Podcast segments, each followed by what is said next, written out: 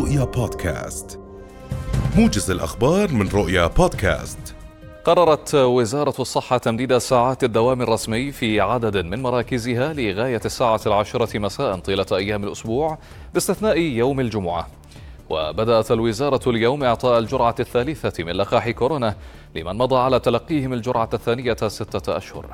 وشدد أمين عام وزارة الصحة لشؤون الأوبئة دكتور عادل البلبيسي على أهمية تلقي الجرعة الثالثة لأن المناعة تنخفض بعد ستة أشهر من تلقي الجرعة الثانية.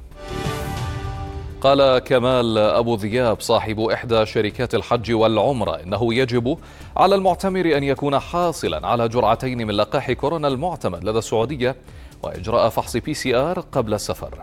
وأشار إلى أن أسعار الرحلات تبدأ من 260 دينارا. سجلت محافظة العقبة أعلى هطول مطري وصل إلى 2 ملي لتر منذ مساء أمس إثر حالة عدم الاستقرار الجوي في المملكة. وقال مدير الأرصاد الجوية المهندس رائد آل خطاب إنه تم رصد الكميات من خلال محطتي مطار الملك الحسين الدوري ومحطة نادي اليخوت الملكي التي سجلت أعلى نسبة تساقط للأمطار. قتل ثلاثة أشخاص بينهم مسلحان يرجح أنهما ينتميان إلى تنظيم القاعدة في ضربة جوية في وسط اليمن نفذتها طائرة من دون طيار. وقال مسؤول أمني في قوات الحكومة المعترف بها دوليا إن ثلاثة أشخاص حضروا بسيارة لإسعاف جارحين لكن سيارتهم تعرضت لضربة جوية بطائرة مسيرة ما أدى إلى مقتلهم.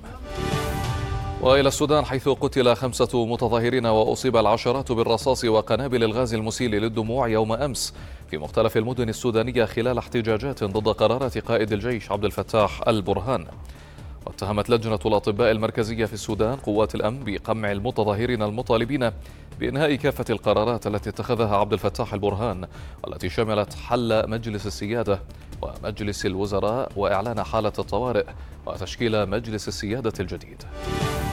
وإلى حالة الطقس محليا توقع مدير العمليات في موقع طقس العرب أسامة طريفي أن تبقى المملكة نهار اليوم تحت تأثير الحالة.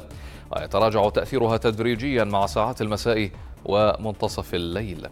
وأضاف الطريفي أن مناطق عشوائية شهدت تساقطا للأمطار مع ساعات صباح اليوم خاصة المناطق الجنوبية.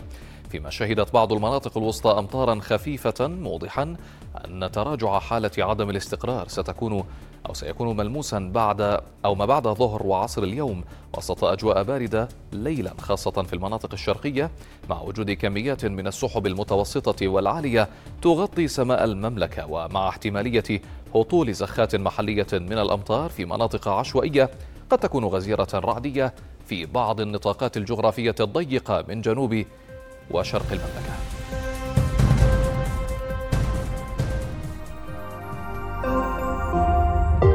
رؤيا بودكاست.